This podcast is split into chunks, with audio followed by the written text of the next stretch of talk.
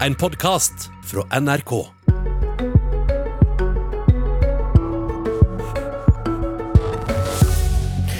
Kan verden nå målet om å begrense jordas temperaturauke til 1,5 grad uten hjelp fra politikere? Ikke helt, men nesten, viser fersk analyse om verdens framtidige energibruk. Så hvorfor bruke politiske krefter på å blande linser og bønner i kjøttkakene til folk på sykehjemmet? Vel møtt til Politisk kvarter mandag. For å nå 1,5-gradersmålet er altså verden ikke så avhengig av politikk som mange trodde. Mer om det litt seinere. Først kjøttkake. En gang i måneden vil folk som bor på sykehjemmene i Oslo få servert kjøttkake, der 25% av kjøttet er erstatta med linse eller bønner. Dette kunne vi lese i Nettavisa i helga. Nyvalgt nestleder i Frp, Kittil Solvik-Olsen, du kaller dette ei ideologisk eh, middagsservering. Hva er linse- og bønneideologi?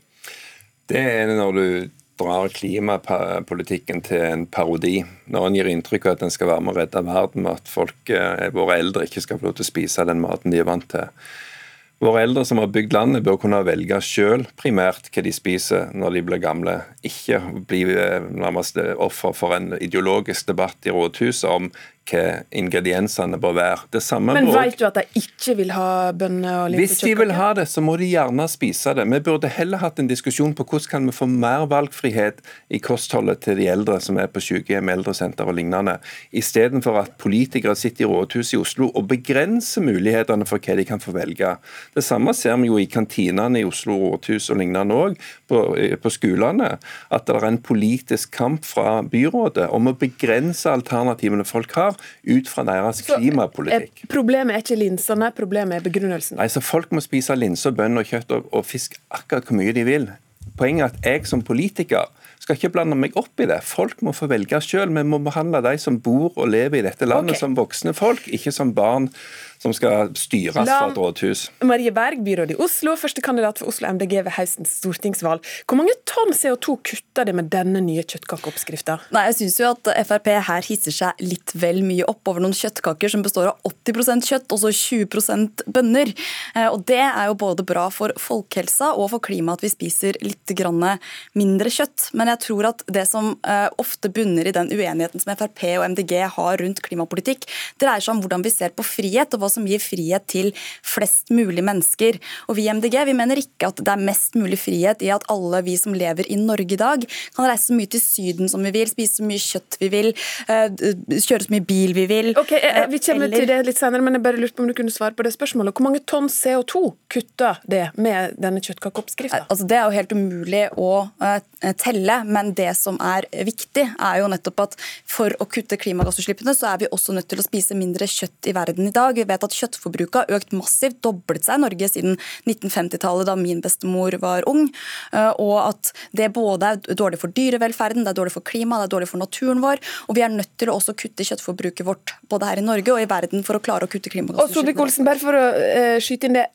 I undersøkinga, for dette har vært et eksper- eller en har liksom testa litt denne kjøttkakeoppskrifta, så har 90% svart at de syns det er godt eller middels godt. Eller middels smak. Ja, ikke sant? Sånn at Hvorfor ikke gi dem noe som de syns er godt, da? Istedenfor å, å gå for noe som er dårligere. Men altså, om, om hva folk liker altså Hvis folk liker kjøttkaker, la de få spise det. Hvis de ikke liker det, gi dem et alternativ. fordi at dette er folk som har levd selvstendige liv. menyen, heller? Jeg ville heller jobbe for ut, altså Det er jo det du burde bruke politisk energi på. Hvordan kan du sørge for at måltidene er så gode og velsmakende at alle sier at nå har jeg fått noe godt å spise, istedenfor at byrådet sitter og skal begrense ingrediens, ingredienslista og være tilfreds med at jo, men mange sier det middels. Så da er det godt nok for oss, fordi at da redder vi klimaet. Om det er mange som sa middels, det må kanskje du få nyansere. De fleste eh, har vært fornøyd, har jeg oppfatta det sånn? Ja, og Nå har vi jo ikke de andre på en måte, resultatene fra andre typer retter som serveres på sykehjemmene, men den debatten som eh, Frp her tar opp, er jo en større debatt om hvordan vi gir mer frihet på sykehjemmene i Oslo. og Jeg tror jo at eh, det å, å f.eks. introdusere mer vegetarmat vil føres også som mer frihet eller mer variert og sunn og næringsrik kost. og Det er jo det som er viktig viktig her. Hvis de kan velge, ja. Absolutt. Men, men, så er det jo sånn at jeg tror at for, da, for oss som ser at, som, har lyst, som er opptatt av dyrevelferd og, og, klima, og som har lyst til å spise mindre kjøtt, så oppleves det som en større frihet nå når vi har Beyond Burgers på burgerrestauranten, eller når vi har mulighet til å spise vegetarpølser når vi griller, istedenfor at valget for oss som ønsker å spise mer vegetarisk, kunne ha vært mellom paprika og burger. Jo, og bare for å gjøre den ambisjonen klar, Marie Berg, det har lyst til å uh, bruke bønner og linse også i karbonadene og i andre kjøttfarseprodukter på sykehjemmene? Altså, dette her er jo en veldig liten eh, debatt knytta til en burger hvor man har blanda inn 20% linser en, som, men fortsatt har beholdt 80 kjøtt, en slags oppskrift på hvordan man kan lage kjøttkaker. Så Det ser jeg ikke som en veldig stor, stor Men det kommer til å fortsette med den tankegangen? Men jeg tror at Den eh, store forskjellen her er jo nettopp at eh, hvis vi skal sikre friheten til våre barn og unge for framtiden, og kunne leve i en trygg verden uten klimaendringer, uten sult og uten farlige hendelser og mange flyktninger, så er vi nødt til å kutte klimagassutslippene raskt. og Da er vi nødt til å også begrense noe av den fråtsingen som vi har drevet med de siste okay. årene, også i Norge. Dette gir frihet dette er jo formynderpolitikk og autoritære tanker. fordi de skal bestemme hva andre skal få lov til å spise. Jeg syns at det som uh, Marie Berg her sier, er kjempebra. Hun ønsker frihet til å få lov til å spise den vegetarmaten hun ønsker. Kjempebra. Den vil jeg gi deg, men gi da alle andre den samme friheten til å spise den maten de liker. Okay, men, og så får vi heller ha en annen satsing på dyrevelferd hvis den ikke er god nok. fordi det, det er ikke en unnskyldning for ikke få lov til å spise kjøtt. Den sterkeste kritikken mot denne kjøttkakeoppskrifta har kommet fra Frp. Så langt har ikke vi hørt kritikk tydelig fra de eldre. Men vi må videre i sendinga. Til overskrifta trenger vi klimapolitikk for å nå klimamåla. Jarand Rystad, du er sjef i analysebyrået Rystad Energy. Der jobber det med å analysere energimarkedet i hele verden, og ser også på veien fram mot 1,5-gradersmålet. I en helt fersk analyse så sier det noe om hvor mye eller hvor lite politikk som må til for å nå disse målene. Og vi skal gå dypere inn i den. Men eh, til kjøttkakediskusjonen. Forbruket av kjøtt blir sett på som en eh, stor utslippsfaktor. Hva er din analyse av hvor mye politikk som må til for å begrense den? Nei, det er helt riktig at uh, kjøtt og uh, matproduksjonen står for en stor del av klimautslippene, ca. 25 og Hvis du ser på tilfellet etter år 2050, så vil matproduksjonen stå for det aller meste av klimautslippene i verden. Og storfekjøtt alene står for eh, kan, altså kanskje fem gigatonn eh, CO2-ekvivalenter av metanutslipp. Så det er, det er verstingen. Eh, og så kommer risproduksjon eh, som nummer to, faktisk. Men, eh, men husdyrhold, og spesielt storfekjøtt, har enorme ikke CO2-utslipp, men metanutslipp. Og Er det på vei ned av seg sjøl? Nei, i USA og en del steder så er det på vei ned, men andre steder i verden så er det på vei opp. Men altså, si, mer moderne befolkninger spiser faktisk mindre, mindre, kjøtt når det er kommet over et visst nivå. Um, men det er jo muligheter for uh, Man snakker om helt nye måter å produsere kjøtt på. Så det kan være at også teknologisk sett dette, disse utslippene kommer til å gå ned. Okay. Klart, Politikk virker generelt, det gjør det også, også på dette området her.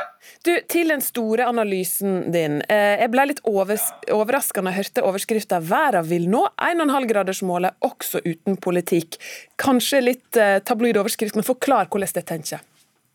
Ja, altså Det vi sa i et, eller det jeg sa i et foredrag forrige torsdag, det var at uh, nå har spesielt tre teknologier kommet så langt at de er konkurransedyktige og vil utkonkurrere eksisterende teknologier uten ytterligere på en måte, politikk. Eh, det er eh, altså den elektriske bilen. Eh, det er solcellepanelene som nå koster 150 dollar for et 700 watts-panel.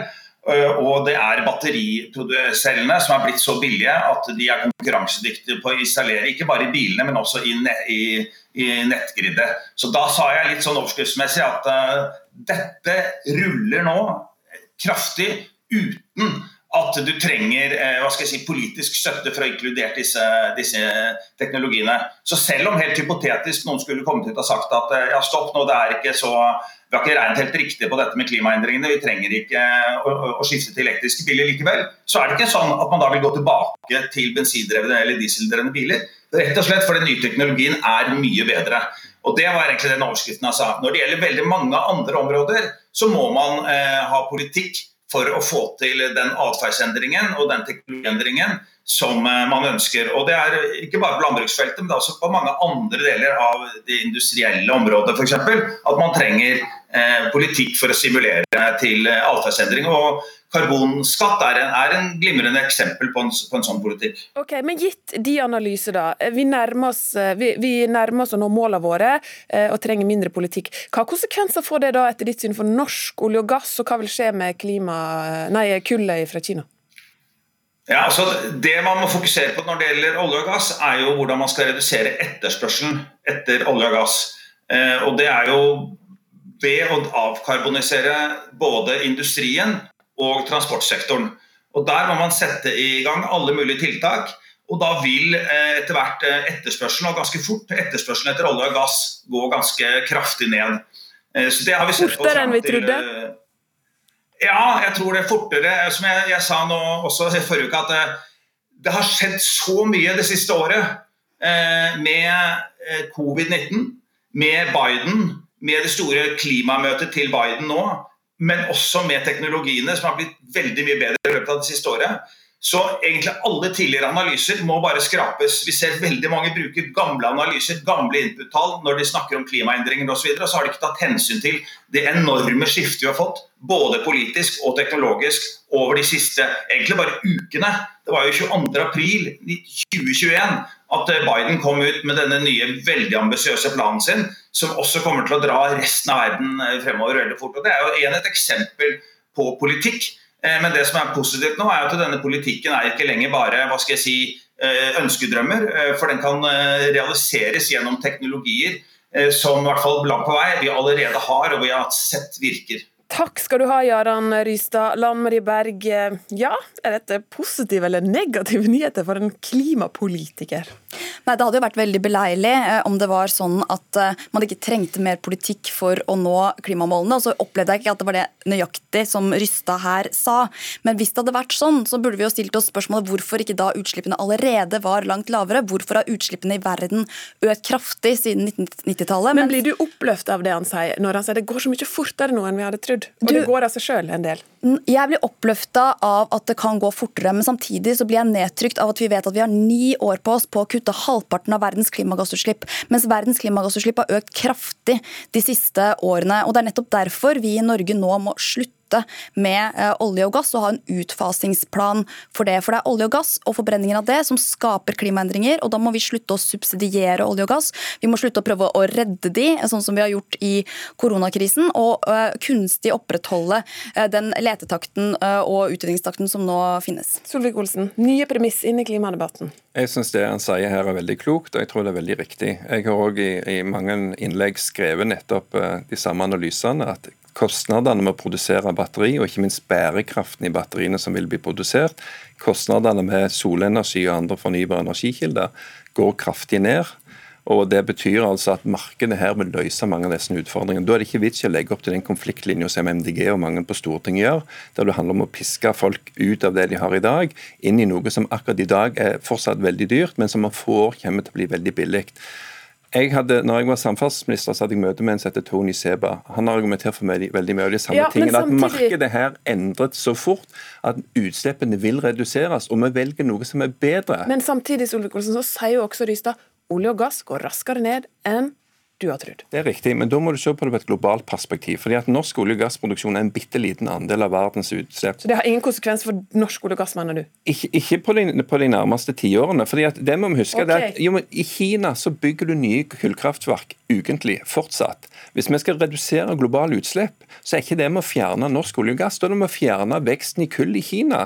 Det eneste som vi oppnår med MDG sin tilnærming, det er å flytte økonomisk makt vekk fra Norge til de landene som ikke bryr seg om miljø, menneskerettigheter demokrati, og som bruker de mest forurensende energikildene. Men Berg Rystad sin analyse, det, altså, hva er vitsen med å blande inn lins i kjøttkakene når så mye går av seg sjøl, ifølge han? Nå er veldig Mange av de eksemplene han pekte til, er jo resultat av villet politikk.